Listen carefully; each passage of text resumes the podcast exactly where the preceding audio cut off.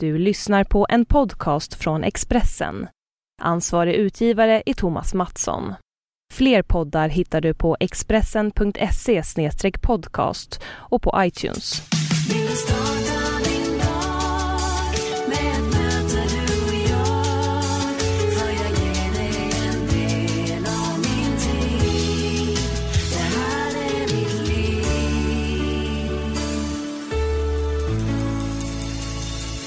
Varmt välkommen till Livshjulet och avsnitt 126. Jag heter Anna Hegerstrand och jag jobbar som journalist. Den här podcasten går ut på att jag varje vecka träffar en för dig välkänd person för att prata om livet. Jag har fått några mail och kommentarer på Instagram från er lyssnare med frågan om varför jag har valt att plocka bort att ge konkreta betyg på livshjulets olika tårtbitar. Under poddens nästan två och ett halvt år har jag försökt att vara uppmärksam på hur jag kan göra programmet bättre och så transparent som möjligt. Jag har kommit fram till att mina gäster vågar vara mer personliga i samtalet när de slipper sätta de här betygen. Livshjulet är ju inte heller konstant och i olika perioder i livet har olika tårtbitar större fokus. Dessutom tror jag att du som lyssnar nog kan läsa mellan raderna ungefär vilka olika betyg mina gästers delar i livshjulet får genom att höra dem berätta om dem. Den här veckan är det en Jönköpingstjej som gästar mig. Det är Amy Desismont, mer känd som Amy Diamond. Amy är just nu aktuell i den nya svenska filmen Min lilla syster, där hon spelar en högpresterande tonårstjej som drabbas av ätstörningar. Jag blev själv otroligt berörd av den här väldigt välgjorda och viktiga filmen och jag rekommenderar dig verkligen att gå och se den. Nu Amy Diamonds livshjul, varsågod. Du kom direkt hemifrån nu? Ja, precis. Sovit hela, hela dagen, inte hela dagen men långt in på dagen. Eh, det har varit så mycket nu så att det är så här, ja, varenda tillfälle man får att sova så tar man den. Och jag vet att du flyttade till Stockholm från, från Jönköping. Ja, precis. Där vi båda kommer ifrån. Ja. ja. Äntligen tog du steget. Ja, verkligen. Alltså jag har ju alltid tänkt så här jag ska aldrig bo i Stockholm typ. Alltså ända sedan jag var liten för jag har alltid jobbat här väldigt mycket. Så jag har alltid tänkt, men jag kan ju bo i Jönköping och jobba här, det går ju bra. Vilket jag har gjort också men eh, Sen så bara kändes det som att jag var här så himla mycket och att eh, jag var här mer än vad jag var i Jönköping. Och kände mig nästan inte så här hundraprocentigt hemma någonstans, jag hade ingen så här fast punkt. Så då tänkte jag så här, men jag får, flytta till Stockholm och det var, känns helt rätt. Det är så himla skönt att kunna så jobba och sen gå hem och det är inte så mycket resande och sådär. Jag har mycket vänner här och så också så det känns jättebra. Hade du egen lägenhet i Jönköping innan du flyttade? Ja, alltså jag flyttade hemifrån första gången i december. Eh, så att jag eh, köpte en lägenhet i Jönköping då. Så jag smart att köpa en lägenhet precis innan man skulle flytta. Men eh, jag tänkte ju att jag skulle bo i Jönköping så då så köpte jag en lägenhet och så bodde jag där Alltså jag bodde där typ i december och lite av januari men sen dess har det varit så här fram och tillbaka att jag som jag sa har varit mer i Stockholm än i Jönköping. Så jag har liksom aldrig riktigt bott in den lägenheten utan eh, så jag hade typ inga möbler och ja, jag var inte där så jättemycket så att eh, ja, ibland så kan man inte planera vad som händer man, det blir lite som det blir liksom. Men det är spännande, du flyttade alltså hemifrån när du var 22 då? Ja, precis. Du började jobba när du var typ ja, väldigt 12, ung. Ja. Men flytta hemifrån ganska ja, gammal. Ja, faktiskt. Alltså jag vet inte varför det tog så lång tid att flytta hemifrån. Det var nog mer, alltså först så kände jag bara att jag älskade att bo hemma så mycket och liksom Jag tyckte jättemycket om att ha så nära till mina syskon och så här, vara med dem mycket och sådär. Men sen så kände jag ju liksom som alla gör såklart att man vill så här ha sitt eget space och liksom det steget typ. Men på ett sätt så kan jag vara glad att jag väntade så länge just för att jag var liksom hundraprocentigt redo. Jag verkligen bara så här, nu vill jag verkligen flytta. Alltså det var liksom inga så här, det var jobbigt att flytta. Det var verkligen så här, ja det var verkligen dags att flytta ut. Så jag slapp ju lite den här eh, liksom ångesten och rädslan när man flyttade hemifrån. Men eh, ja, nu när jag väl har flyttat hemifrån så eh, det är ju en frihet liksom och en, alltså man kan ju verkligen planera sina egna dagar och ha allt sitt eget space och det är lugnt och tyst. Det tycker jag är härligt. Så att um, ja, det kändes rätt. För du har, jag vet att du har en stora syster som mm. jag ju känner som är journalist också. Ja, precis. Och sen så har du tre småsyskon. Ja, jag har um, faktiskt fyra småsyskon. Jag har en... Dålig research. Ja, nej men det var inte så konstigt. Den, den fjärde systern, eh, lilla systern eh, är bara två år gammal. Så, Ah, att, eh, så att, det är inte så konstigt. Um, ja, så jag har två, ehm, eller en lilla syster som är ehm, 18, en som är 14, en lillebror som är 6 och en lilla syster som är 2. Så vi är en jättestor familj. Och innan så älskade jag det här ljudet med att all, det var så mycket på gång hela tiden hemma. Men så fort man liksom vänjer sig vid tystnaden så bara Oj vad så överväldigande att komma hem bara oh wow vad mycket ljud hela tiden. Ehm, så det är klart det är både och, alltså jag saknar ju såklart den här liksom, för de bor ju i Jönköping fortfarande allihopa. Så jag saknar ju den här liksom att det är så enkelt att ses och att man är hos varandra hela tiden. Um, och samtidigt så är det ju spännande att liksom flyga ut eller vad man säger. Mm. Men eh, sen så kan jag tänka att en av anledningarna till att du har varit så mycket i Stockholm, jag vet att du träffade en kille. är det därför du har flyttat hit också eller är det bara Ehm, för jobbet? Nej, alltså jag funderade på att flytta, eller jag har tänkt på det typ sen januari, mitten på januari så tänkte jag jättemycket på det. Att jag skulle flytta hit och då så hade inte vi träffats än så det har alltid funnits i mina tankar. Um, sen början på året liksom att så här, jag ska bo här typ. Ehm, dels för att jag fick jättemycket nya vänner från um, en filminspelning som jag gjorde året innan. Ehm, och sen så ehm, också bara för att jag kände så här att jag ville liksom ha enklare att skriva musik och enklare att samarbeta med människor och sådär. Så det var ju från början men sen såklart liksom när vi blev liksom tillsammans och sådär så var vi med varandra hela tiden. Då bodde vi lite i Stockholm, lite i Jönköping. Alltså så här, vi reste fram och tillbaka med varandra och sådär. Så det är klart att liksom, det har ju underlättat jättemycket att vi bor i samma stad såklart. Men ni bor inte ihop? Eh, nej, det gör vi inte. Nej. Och Charlie heter din kille. Jag läste att han var någon gammal Rederiet-stjärna. Det var så roligt, han var jätteliten när han gjorde det. Ja, det känns som han måste ha varit det. För Ja. han, hur gammal är han idag? Vi är lika gamla, så han är 23. Ja. Men det var jättekul och vi skrattade lite åt det faktiskt att de valde just eh, Rederiet eh, som grej för att han, jag tror att han var kanske 10 år gammal eller någonting när han gjorde det. Ehm, nej men han skådespelar och jobbar liksom med skådespeleri. Har ni Ja. träffat varandra genom skådespeleriet?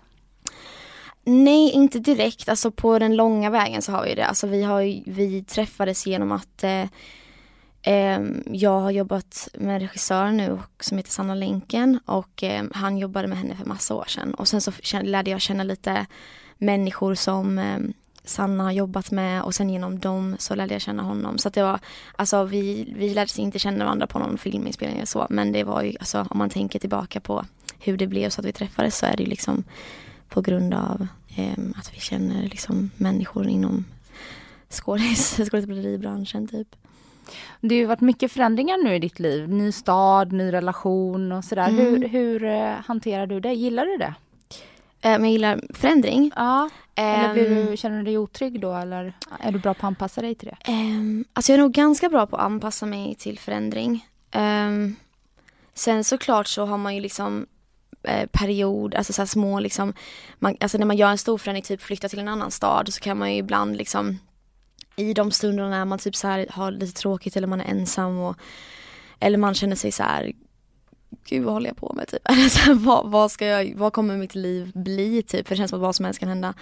Då är det klart att man liksom, eh, att det är lite jobbigt. Alltså det, man måste ju alltid anpassa sig efter förändring. Det är ju alltid liksom, man är oftast typ väldigt trygg när man vet vad som ska hända hela tiden. Sen så har jag ju typ vuxit upp med att, sen jag var 12 år gammal, med att jobba med någonting som är väldigt oförutsägbart hela tiden. Att man aldrig vet vad nästa grej är eller om det ens blir nästa grej. Alltså väldigt mycket sådär. Så alltså min otrygghet som jag känner är nog snarare liksom relaterad till alltså att man jobbar med någonting där man typ inte kan ha någon framförhållning egentligen. Alltså man vet typ inte vad man ska göra nästa år. Alltså man hoppar så här från grej till grej. Och det är på, på ett sätt jättespännande och typ det jag älskar. Men det är också väldigt läskigt att man liksom inte vet vad nästa grej är eller blir det någon nästa grej, ska jag göra något annat? Det så här, den oron och den liksom, den, den finns, kan ju finnas där liksom. Hur känns det just idag när du sitter här? Då?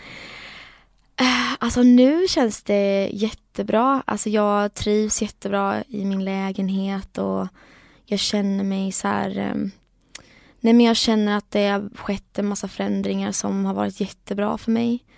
Ehm, jag känner att jag typ växer väldigt mycket, väldigt fort under de här typ senaste två åren så känner jag att det har hänt jättemycket i mig. Så att det känns eh, spännande och ja, det känns som att eh, det kanske blir bra ändå. Det känns så konstigt att sitta och prata med dig 23 år här nu mm. för för mig kommer du ju alltid vara lilla Amy Diamond eftersom man är från Jönköping och man har koll på de som kommer därifrån och ja, du slog precis. igenom så tidigt. Ja. Eh, och nu är du vuxen. Mm. Och ja. du är också väldigt rutinerad i branschen med över tio år liksom bakom dig. Var det bra för dig tror du att slå igenom så tidigt? Ja, när jag var liten så, så drömde jag om att sjunga så och stå på scen och allting väldigt, väldigt mycket. Alltså jag var väldigt otålig. jag hade ju ingen uppfattning om hur det funkar i såna, i branscher och hur svårt det är att slå igenom och sånt där. Jag var ju snarare såhär, varför kan inte jag få göra det typ? alltså, så nu har jag verkligen fattat, alltså så här, det fattade jag ju typ på direkt så fort jag kom in i branschen att bara, det är inte så lätt liksom och det är inte så självklart att någonting bara ska hända typ som jag tänkte när jag var ett barn. Då tänkte jag bara så här, men man vill det så händer det typ. nu har jag fattat, eller då fattade jag, sen fattade jag liksom att eh, det funkar inte så. Um, men så för mig var det nog ganska bra, alltså jag jag hade nog aldrig slutat sträva efter det liksom oavsett. Alltså jag hade ju aldrig slutat så här, kämpa för det. Um, så musik hade varit en stor del av mitt liv och min liksom, uppväxt oavsett. Uh, sen så blev den ju en, en del av mitt liv på ett helt annat sätt än vad den hade varit annars. Så alltså jag tycker inte att det är negativt. Jag är väldigt glad att jag är alltså att jag bara är 23 och att jag faktiskt har så mycket erfarenhet. Det ger mig typ en grund för att nu när jag går vidare till nästa steg inom musiken då specifikt så vet jag ju väldigt mycket vad jag vill och hur jag vill eh, att det ska låta och typ så här, ja, jag vet inte men jag känner att jag har liksom en trygghet i min erfarenhet. Typ att jag kan liksom luta mig tillbaka på den lite. Hur var det, känner du att du ändå fick en liksom, tonårstid, en barndom? Man är ju barn faktiskt ja, när man är. alltså jag gick ju i sexan när What's in it for me kom. Och jag tror inte jag, jag har aldrig, alltså det är typ nu när jag tittar tillbaka som jag ser hur liten jag var. Alltså jag, jag kände mig ju alltid stor. Som man gör. Ehm, så jag kände mig alltid stor och jag tyckte inte att jag var liten. Men nu när jag kollar tillbaka så bara, åh herregud, jag har inte ens börjat högstadiet liksom när allting började och det är jätte, man är jätteung då. Mm. Men alltså jag fick ju absolut en, en barndom, jag har ju gått hela liksom högstadiet och gymnasiet och bott kvar i Jönköping. Det tror jag var bra för mig faktiskt. Att det inte blev en förändring i att vi flyttade någonstans samtidigt som allt annat förändrades. Att jag ändå hade samma kompisar och samma liksom lärare, samma skola som jag liksom alltid haft. Eh, det tror jag var viktigt. Men jag har absolut haft en barndom och en tonårstid men eh, sen så kommer ju min barndom och tonårstid alltid vara liksom väldigt förknippad till allt jag upplevde under den tiden. Ja för så... du fick ju också ett ganska stort ansvar med att börja jobba så tidigt. Ja, ja men verkligen. Och bli en offentlig person. Mm. Ja. Alltså jag reflekterade inte över det supermycket när jag var liten. Alltså, det är mer nu typ i efterhand som jag sa, som, som man kan verkligen titta tillbaka och tänka så här, gud vad mycket man liksom klarade av fast man var så liten. För för mig var det alltid en självklarhet när jag var liten. Att bara, men det är väl klart jag gör det här och så gör jag de här, gör det här provet och de här läxorna och sen så åker vi dit och ser det här. Alltså det kändes aldrig konstigt eller för mycket när jag var liten. Men när man tittar så på typ mina småsyskon eller man tittar på folk eller så barn som är 12 år gamla så tänker man så här, men gud alltså hur tänk, eller så här, hur, hur gjorde jag typ? Alltså lite så kan jag känna ibland så här att jag jag har svårt att, för för mig var det så självklart men nu när jag liksom har mer livserfarenhet och mer liksom perspektiv så kan jag vara så här, bra jobbat lilla Amy typ. Kämpade. och din pappa har väl varit din manager också va? Eller han står ja, alltså, som, som manager ja, på din hemsida. Alltså, um, mina föräldrar fick ju liksom på direkten hjälpa mig väldigt mycket. För det hände ju väldigt mycket väldigt fort. Så då så blev det liksom så att det var skönt för mig att ha mina föräldrar närmast, om du förstår vad jag menar, att jag inte blev liksom överlämnad till andra vuxna um, utan att ha mina föräldrar nära. Um, det tror jag hade varit lite tufft liksom när man är så liten. Jag tror det är viktigt att man har, alltså det behöver inte vara precis ens, ens föräldrar men alltså någon vuxen som ändå känner en hundraprocentigt liksom som lyssnar på en och som vill, vill ens bästa i alla lägen typ. Så, så vi, det, det, var så det började liksom för mina föräldrar har ju ingen erfarenhet av branschen överhuvudtaget liksom. Så vi alla vi blev ju bara så här inslängda i det typ. Och bara okej okay, nu är det här, nu är det här, oj oj oj nu är det här. Så att um, det var så det började och sen så blev det bara liksom att vi bara, allting rullade på så vi bara fortsatte jobba så hela tiden. Um, så det var ju typ så här, de, de har hjälpt mig jättemycket. Och just nu så är du aktuell med, med en film som heter Min lilla syster. Mm. Som vi ska prata mer om sen. Men den handlar ju en del om just det här rivalitet med syskon. Du mm. spelar en stora syster som är väldigt duktig inom konståkning. Ja. Precis som du också är privat. ja, eller jag, jag tränade mycket när jag var liten. Ja. Sen så fick jag ju så här, göra mig själv lite bättre till filmen då. Ja. Vad jag kanske var. Men, ja. Men då undrar jag, för du, det känns som att du kan ha fått väldigt mycket fokus i med din karriär och sådär. Eh, Eh, har ni haft en dialog kring det med dina syskon och i familjen? Att det är du som har fått stå där framme väldigt mycket och fått väldigt mycket uppmärksamhet? Um, alltså inom min familj, alltså nu kan inte jag prata för mina syskon, alltså så här, um, men inom min familj så har det varit väldigt liksom, jo men alltså det har inte varit riktigt på det sättet. Det är klart att um, musik var ju min grej liksom. Men sen så hade ju typ mina, min stora syster höll ju på med teater innan och så här, det var hennes grej. Eh, och sen började hon skriva och sånt där. Så att alla har haft liksom sin egna grej som har liksom fått ta plats, typ mina små syskon. De gillade också att sjunga lite grann men sen, sen tyckte inte de att det var så kul så att de liksom lite, lite olika saker. Typ Lisa gillade att fotografera och sånt och Holly eh, är bara 14 nu så hon håller väl på att liksom lista ut vad som är hennes grej. Um, Känns som en estetisk det, familj i alla fall. Ja, ja men faktiskt det är lite så kreativ, kreativ kreativitet eh, i familjen.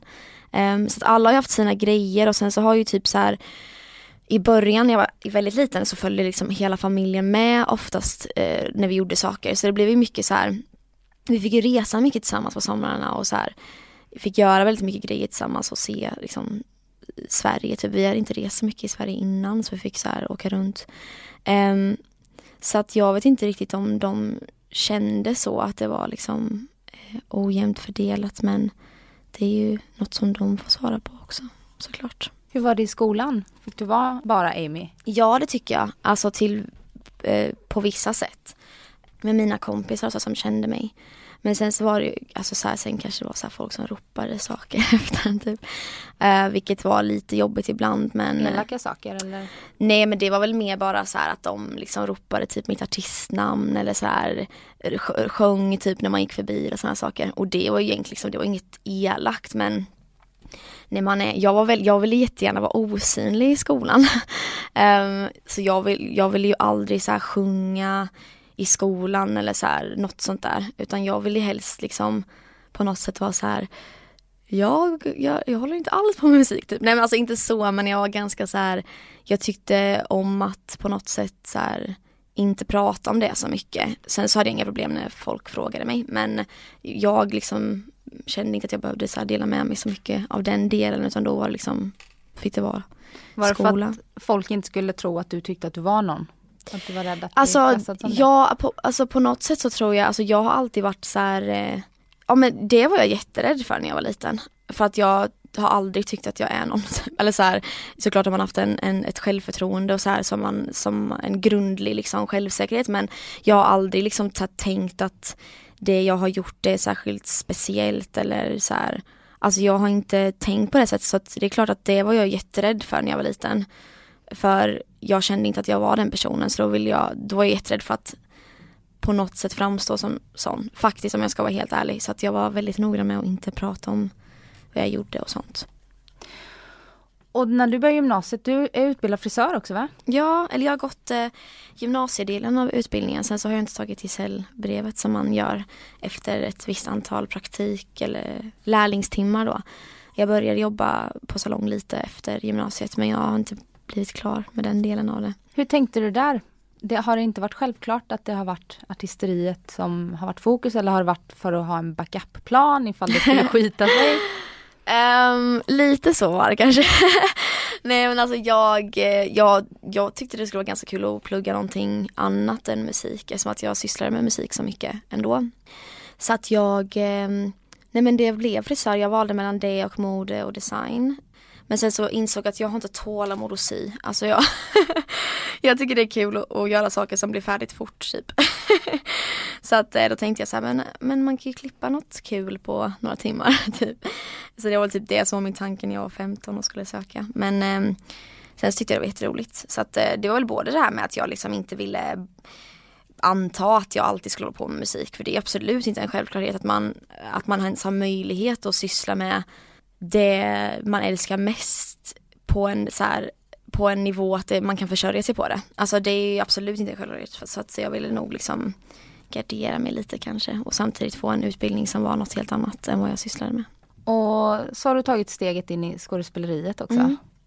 Eh, och jag såg ju filmen, Mm. min lilla syster som den heter, igår. Ja. Så den är väldigt färsk hos mig och den är väldigt, jag, berör, jag hade hört att den skulle vara väldigt bra också. Eh, och jag berördes väldigt mycket av den för att jag eh, har själv varit i den situationen som du är i din roll. Ja, ja, Och att se det utifrån min lilla systers perspektiv då, jag, för, jag förstår ju det liksom. ja, Eh, det var väldigt, väldigt starkt för mig. Och jag blev också väldigt eh, förvånad och glad över att du var så otroligt bra. Både du och hon tjejen som, som spelar Stella, ja. eh, lilla systern. Hur, eh, jag vet att du har ju ingen problematik med ätstörningar. Nej. För det är det filmen handlar om. Ja precis. Mm. Men hur, hur var det för dig att, att göra den rollen? Det är en väldigt krävande roll kan jag tänka mig. Ja, ja men verkligen. Det, det var, um, alltså dels så fick jag ju lära mig jättemycket om ätstörningar överhuvudtaget för att jag tycker att det av den, de så spelfilmer eller så serier där det har funnits någon som, som har en ätstörning som är med så kände inte jag att jag fick en så stor uppfattning om vad det egentligen handlar om utan det var väldigt mycket så här ja men kanske någon som pillar i maten eller så att man skulle förstå det på så sätt men ätstörningar är ju så mycket mer än den delen. Det är ju väldigt mycket det psykiska och det som händer här inne också. Så det var jätteintressant och eh, viktigt att liksom eh, lära mig av Sanna som har regisserat och skrivit manus. Hon har ju också eh, varit sjuk i tonåren. Så, så jag fick ju jättemycket hjälp av henne att prata om det. Um, och uh, bara förstå liksom typ mekanismen av sjukdomen, typ uh, Katja blir personlighetsförändrad och hon blir lite manipulativ för att hon vill liksom skydda sin sjukdom, hon vill skydda hemligheten och bara liksom hur det påverkar ens relationer och hon går ju över lik för att skydda sitt missbruk. ja, ja och men är precis. jätteelak mot sin syster. Ja, verkligen för att liksom hon blir desperat. Alltså hon gör ju vad som helst för att ingen ska få reda på det här.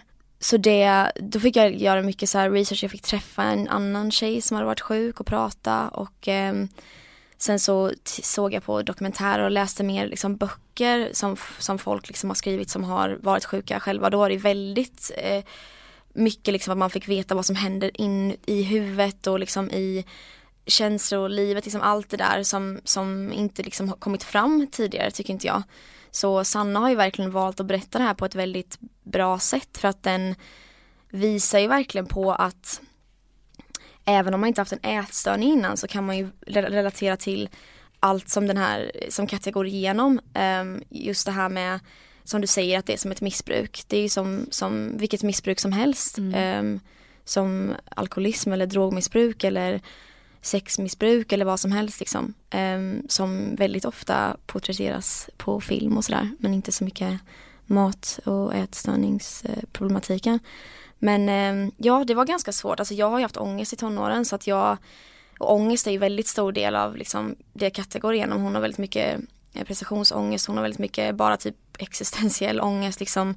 Att hon inte vet vem hon ska vara. Hon, hela en stor del av hennes identitet är att vara duktig.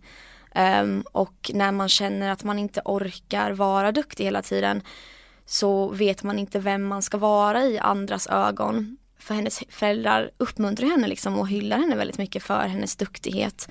Vilket de inte gör för att vara elaka eller sådär. Men det är bara det att hon är en tjej som presterar mycket.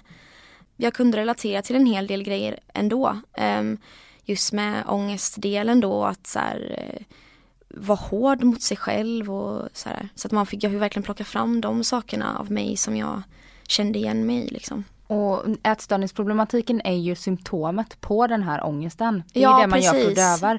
Mm. Hur har du hanterat din ångest? Alltså jag det finns olika sätt, alltså jag är väl, jag gråter väldigt mycket. Eller så här, jag är en person som har ganska lätt till att gråta och jag tycker det är väldigt skönt, jag tycker att det lättar på trycket typ.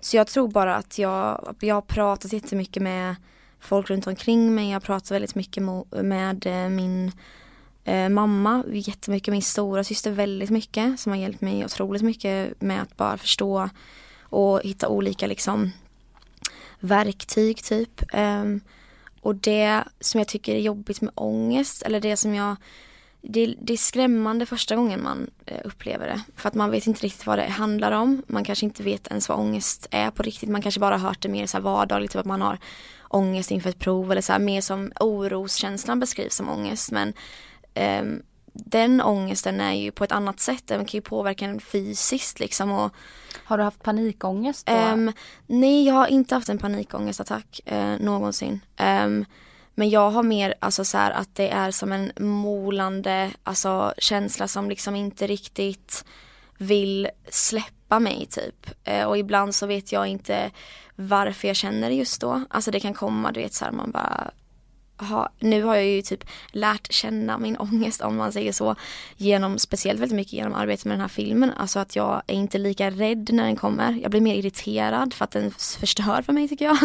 Men eh, jag är inte rädd för den på så sätt som jag var första gången när jag var 18 när jag fick en ångestperiod.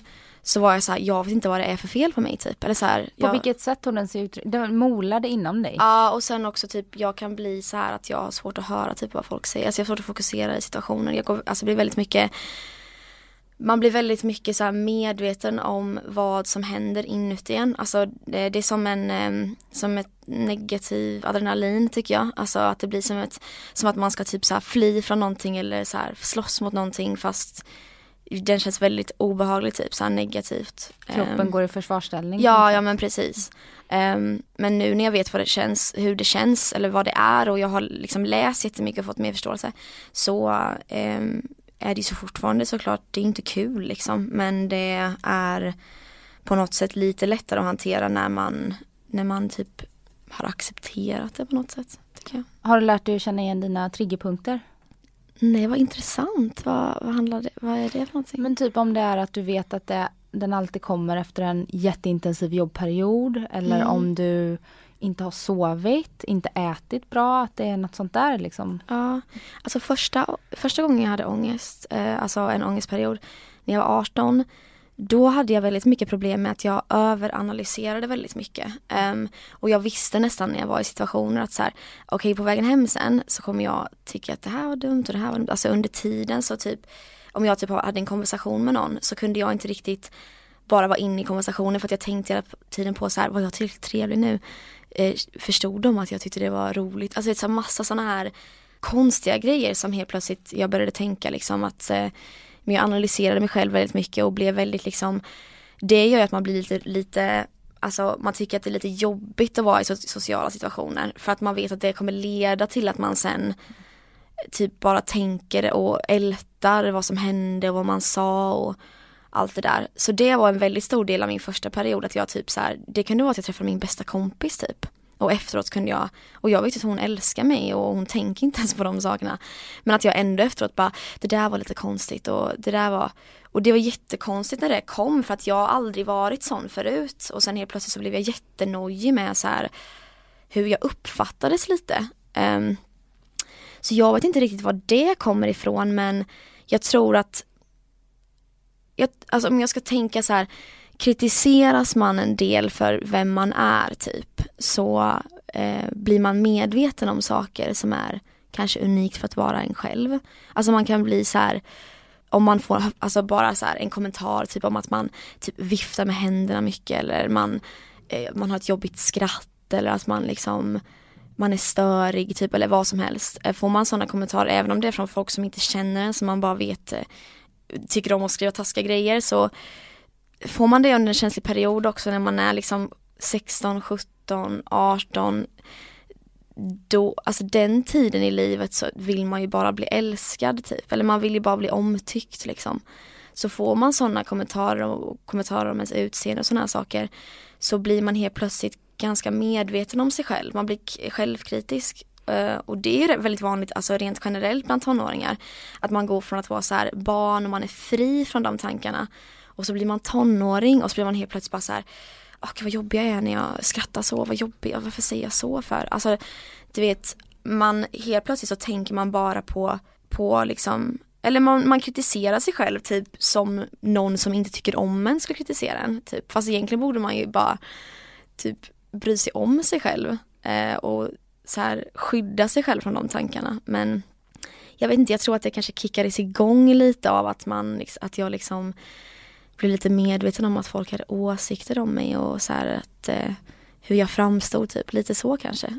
Det var ju under de här åren du gick från att vara barn till att vara vuxen. Ja precis. Och då tänker jag att du var ju trygg i din roll som barn och du slog även igenom som artist när du var barn. Ja precis. Och så helt plötsligt skulle du bli någon annan och ta någon, alltså ha en annan approach på något sätt för att ja. du blev äldre och så hade du inte hittat det riktigt. Kan det vara det? Ja men alltså när man är tonåring också så är man ju lite så här det är så härligt att växa upp men man kan ju samtidigt vara lite obekväm med sin nya identitet eller sin nya liksom person. Det är skitjobbigt um, att bli vuxen. Ja, att man säger man bara, ha nu så, nu är jag 13, nu är jag 14. Typ, jag kommer bara ihåg när man gick från att gå i sexan till sjuan och man gick från att så här, leka hela tiden på rasterna och så börjar man sjuan och så finns det liksom en lekplats men man är så här, får man gunga typ? Eller så här, får man, och det har bara gått en sommar emellan att man helt plötsligt, man bara såhär, det är klart vi leker, vi hoppar hopprep typ, alltså det är det vi gör. Och sen helt plötsligt så bara, fast man kanske inte får leka eller alltså, vad ska vi göra nu eller hur ska man vara nu? Så jag tror ibland så sätts det typ krav på en också att man ska ha typ förstått vem man är väldigt fort och att man ska ha förstått hur man vill vara väldigt snabbt och det är inte, alltså det tar tid typ också det här med, alltså mycket med unga tjejer och säkert killar också men som växer upp eh, som kanske har börjat som artist som barn. Att det förväntas alltid att man ska ha någon slags så här sexig approach sen när man är vuxen. Eh, för att man då ska typ på något sätt visa att man, att man är vuxen. Och det är ju jättemärkligt när man är typ så här 15, 16, 17 och så börjar det bli lite sådana där så här, men ska du inte dra på dig det här? Och ska du inte eh, sjunga de här låtarna? Och så kanske man själv inte riktigt har landat i typ sin egna sexualitet heller liksom att man har inte hittat typ sig själv i det heller. Och så förväntas det utifrån att man ska ha gjort det och annars är man barnslig eller så är man det ska alltid sättas en stämpel på en väldigt mycket tycker jag med kvinnliga artister också att det är så här man, man, antingen är man barnslig eller så är man sexig eller så är man, alltså man ska vara någonting liksom. Ja jag tänker bara som Sara Larsson som är typ eh, så ball som man dör. Ja, hon Men hon är 17 år och då tänker mm. jag när jag var 17 år. Mm. Alltså dels de kommentarerna hon får utstå men ja, också gud, de ja. åsikterna hon har och ja. vågar stå för dem och allt sånt där. Hon känns ju, hon skulle ju kunna vara i min ålder liksom ja. helt mentalt känns Men det, det som är så häftigt med henne är att det känns som att hon har liksom hittat typ eh, det känns som att hon har hunnit med typ att hitta vem hon är redan nu. Eller alltså, har hon det?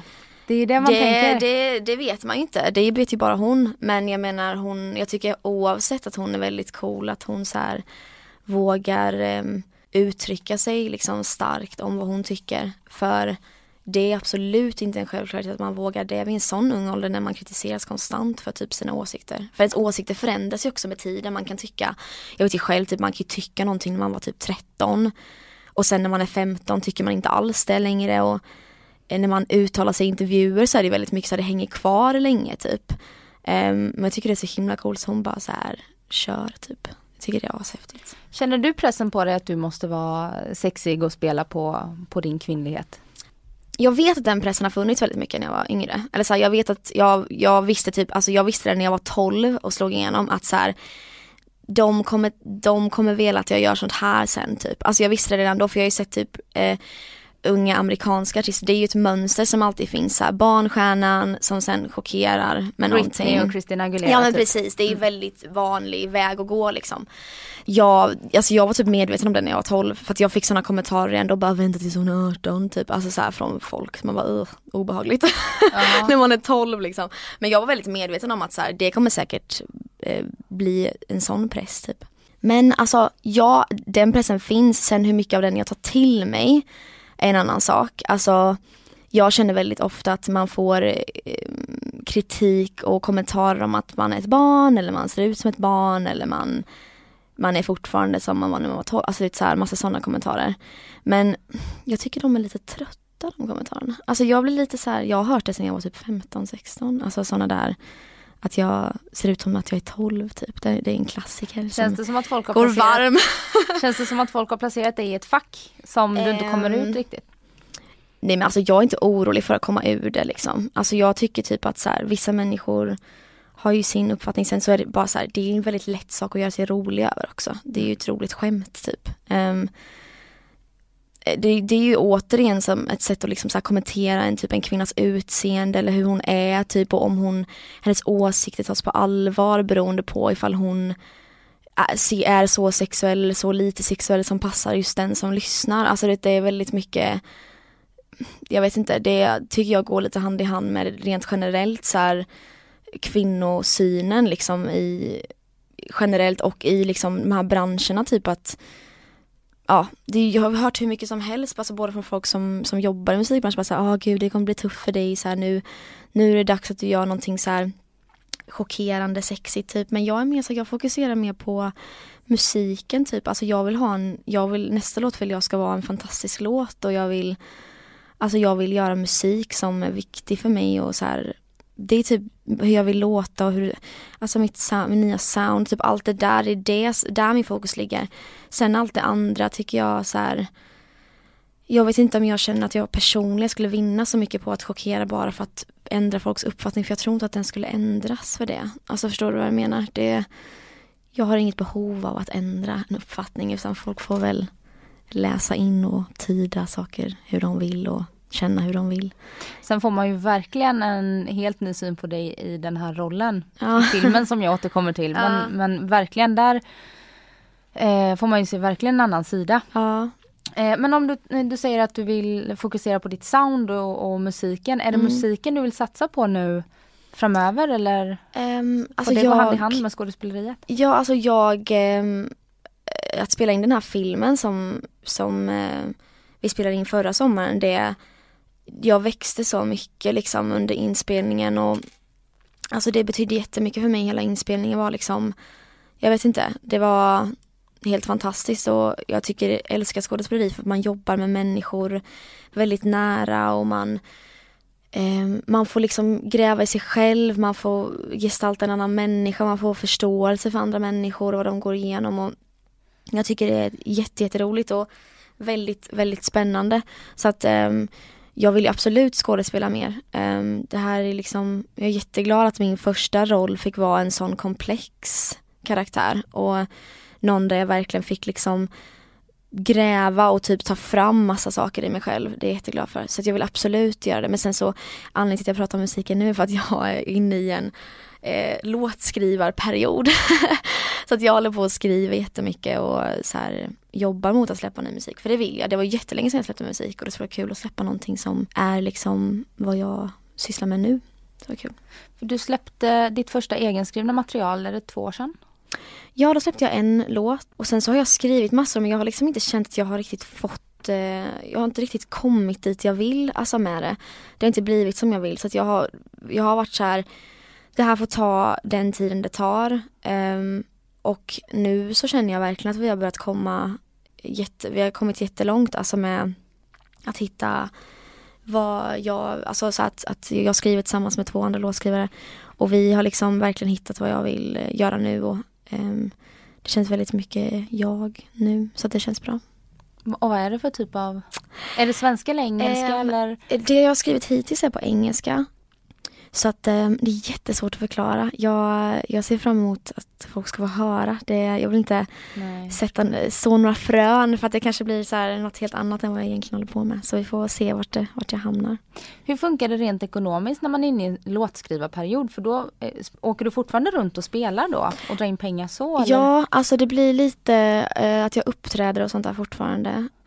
Och i sommar var det en hel del grejer som jag, att jag sjöng och sånt där. Ehm, och sen så eh, Eh, jag dubbar lite och sådär. Ehm, så att man, man hittar ju sina små sätt att uh, syssla med saker inom samma sak. Fast det är ju såklart liksom låtskrivarperioder är ju liksom helt obetalt och eh, det är ju då det är kämpigt typ. Och sen så förhoppningsvis, alltså man lever ju lite på det man har gjort innan liksom och så här, ja, det, man får försöka typ planera det så bra det går.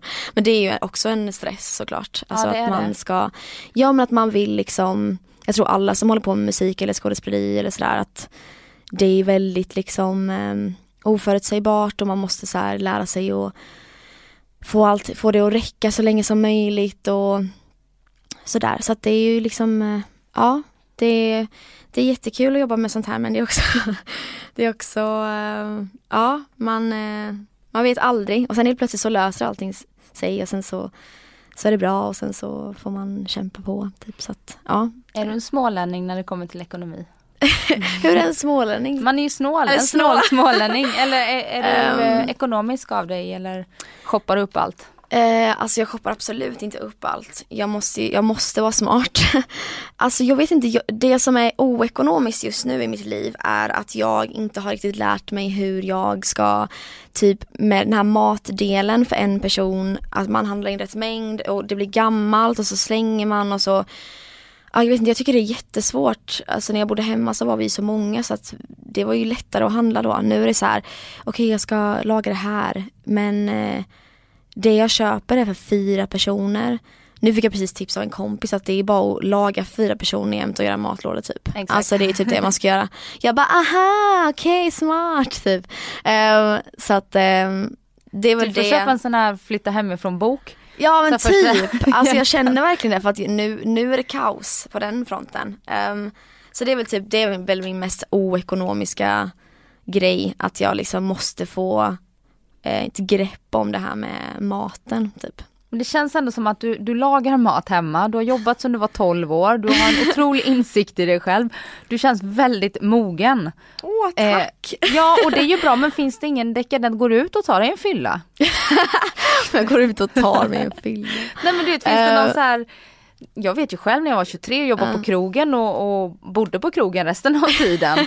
eh, då, då pluggade jag ju för att bli journalist och, Ah. och jobbade extra och sådär. Men man hade ju några så här stökiga år. Har Ah. du dem eller har du haft dem? Alltså stökig kan jag faktiskt aldrig riktigt säga att jag har varit. Ehm, jag, alltså jag vet inte hur jag ska säga, alltså jag tycker jättemycket om att typ, här, träffa vänner och typ göra grejer. ehm, ehm, hitta på saker. Um, sen är inte jag, jag älskar att typ så dansa, gå ut och dansa och sånt men jag är inte alltid den som blir superfull. Um, jag vet faktiskt inte vad det beror på. Jag har liksom aldrig riktigt ehm, jag är ganska hyper ändå. Eller jag är ganska så här, Man ser inte om du är nykter eller Nej, men på studenten typ så, så körde jag bil eh, under studenten så att jag drack typ ingenting på studenten. Eller drack ingenting för att jag körde. Eh, på kvällen sen när jag inte körde mer så gjorde jag kanske det. Men, men eh, alltså jag var ju typ helt nykter och alla var bakis på eftermiddagen typ. Och jag, alltså de hade typ hunnit bli bakfulla och jag var så här: kom igen nu festar vi typ så här. och jag bara, det här är pluset med att inte dricka. Typ så här. Eh, så att det var jag och en till tjej som inte hade druckit. Så att jag vet inte, jag har ganska lätt, jag har mycket energi så här ändå. Men um, det är väl klart, liksom, jag är inte super så här, strikt och hård mot mig själv liksom så. Men, eh, men jag kan inte sitta och säga att jag är den som är crazy crazy liksom. På det sättet. Eh, Du åkte ju konståkning mycket Ja. i Jönköping. Mm. Gör du det fortfarande? Nej, alltså jag tränade, när jag var liten tränade jag från att jag var sex år till att jag var tolv. Och sen så när jag ehm, eh, när jag var 22 så började jag träna i en hobbygrupp och det var precis då jag såg att de sökte tjejer till den här filmen då som var konståknings, man skulle ha lite konståkningserfarenhet och eh, kunna skådespela och sådär. Så att um, det var lite så här, jag bara, ah, jag har precis börjat igen, jag kanske vågar typ. Så det var du som sökte till filmen? eh, ja, jag mejlade Katrin som höll i castingen och frågade om jag fick komma. Så åkte jag till Göteborg och så gjorde jag min första provfilmning. Och då var det lite osäker på vilken dialekt det skulle vara. Om det skulle vara göteborgska eller eh, stockholmska. Så jag mejlade henne och bara, jag kan göra båda, tror jag. Typ. Mm. det är ingen fara. Fast du har ju Jönköpingska i ja, filmen. Eh, nej, eller? alltså jag har, jag har en, eh, jag pratar ju väldigt likt Rebecka. Rebecka är ju från Stockholm. Så det är en typ en rikssvenska som, som vi har. Eh, du kanske inte tänkte på det så mycket? Nej, men... det, det kanske är för att vi pratar likadant. Jag fick också ja. höra att jag pratar rikssvenska. Jag trodde jag pratade småländska. Ja, ja men det är jättekonstigt. Ja. Eh, nej men så att jag, jag fick, eh, jag fick eh, ha en dialektcoach och sådär innan. Eh, men första provfilmningen var på göteborgska så det var intressant. Ja. det är i och för sig ganska nära hur, det är inte superlångt ifrån hur vi pratar. Alltså, det är såklart lite annorlunda men det är inte jättelångt ifrån. Så men det är många som tror att man kommer från Göteborg. Ja gud ja, verkligen. Jätte, jätteofta får jag höra det. Och Sanna trodde typ att jag var från Göteborg när hon såg första provfilmningen. Jag bara nej det är jag som gör en sån dialekt typ. Mm. Men konståkningen är inget du håller på med nu? Eh, nej, alltså jag tränade supermycket förra året inför filminspelningen. Um, och sen efteråt så skulle jag egentligen börja igen på konståkning men sen var, var jag så trött. Jag var jättetrött i kroppen och jag var jätte så här, känslomässigt trött och då var jag såhär, nej men jag väntar, jag orkar inte just nu. Och sen så har liksom tiden bara gått sen jag flyttat hit och sådär. Men jag skulle absolut kunna tänka mig att träna i en hobbygrupp igen, det är väldigt roligt. Eh, tränar du annars eller har du något knep för att um, hålla energin på topp? Um, alltså jag tränar, alltså det, det, går lite i perioder. Ibland så har jag typ inte orken typ och då så bara känner jag så här, men tänk inte ens på det liksom utan bara Du har ju en du, syster du kan ta hjälp av. Ja, ja men precis, ja, men hon är ju superduktig på, mm. på träning och sånt där. Och kost. Uh, ja verkligen, hon är jätte, jätteduktig. Så att um, Nej men så att jag eh, jag tränade lite när jag bodde hemma, tränade lite så crossfit typ men jag fick så himla, alltså jag fick världens träningsverk första passet, efter första passet. Så att jag kunde seriöst inte gå tillbaka på typ en vecka och sen blev jag sjuk och sen så gick jag aldrig tillbaka igen. Det blev en gång? två gånger tror jag det blev. Ja, det var helt sjukt, jag har aldrig varit med om sån träningsverk men det var för att jag hade typ inte tränat på typ ett halvår så att jag var jätteotränad och min, mina muskler var inte redo för crossfit eh, hårdaste pass typ. Men nu tränar jag lite så här, jag är med på ett bootcamp typ där vi tränar på morgnarna typ tre gånger i veckan.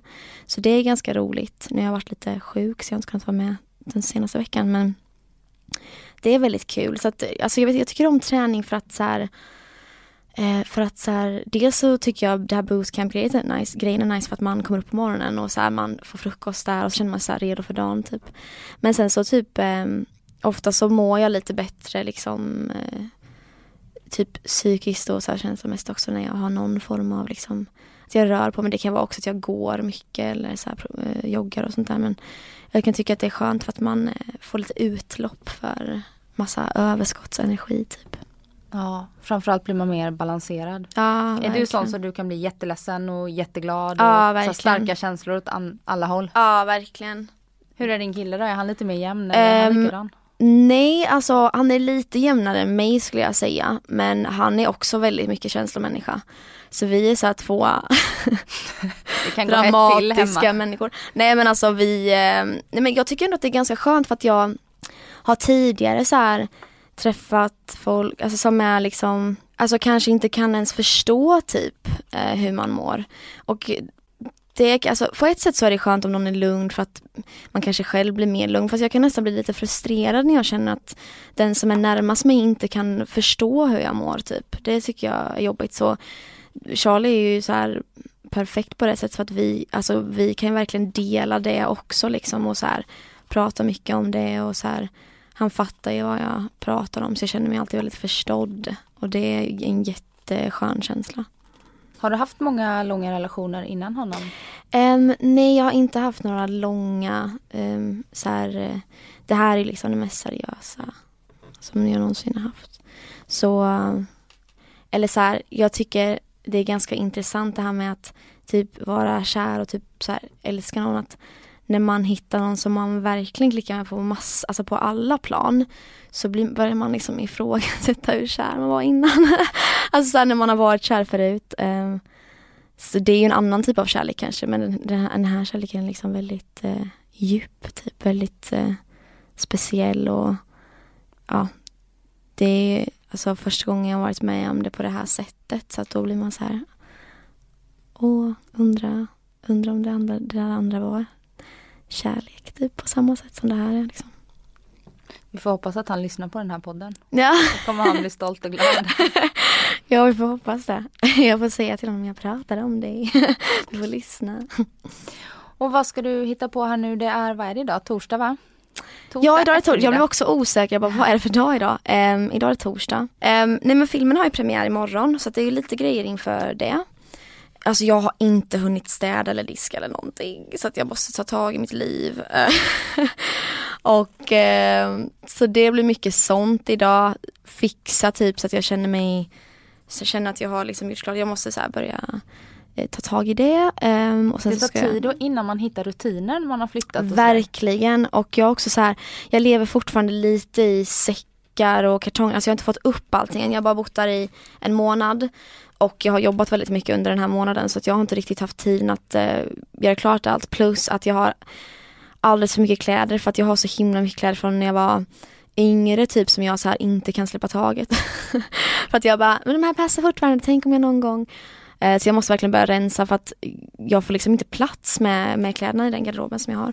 Så att ehm, det kanske jag ska ta tag i lite också. Jag blir inspirerad nu av, vad jag måste göra. Så jag kanske borde rensa lite också. Alltså det kommer sluta med att jag kollar på tv typ. Kollar på någon serie på Netflix typ. Det är vad som kommer hända egentligen. Allt bara känns helt övermäktigt. Jag vet man bara, det är för mycket. Och jag kan ju säga till, till er som lyssnar då att nu spelar ju vi in den här podden några veckor innan den eh, släpps. Mm. Eller innan, ja, innan den släpps. Så att eh, filmen har ju haft premiär och gå och se den. Den är jättebra. Verkligen. Ja. Och Amy, tack snälla för att du kom hit och gästade mig. Tack så jättemycket. Och lycka till med allting i framtiden nu och så får du slå en signal om du behöver hjälp i Stockholm. Ja, tack så jättemycket. ha det bra nu. Ha det bra. Hej! Vill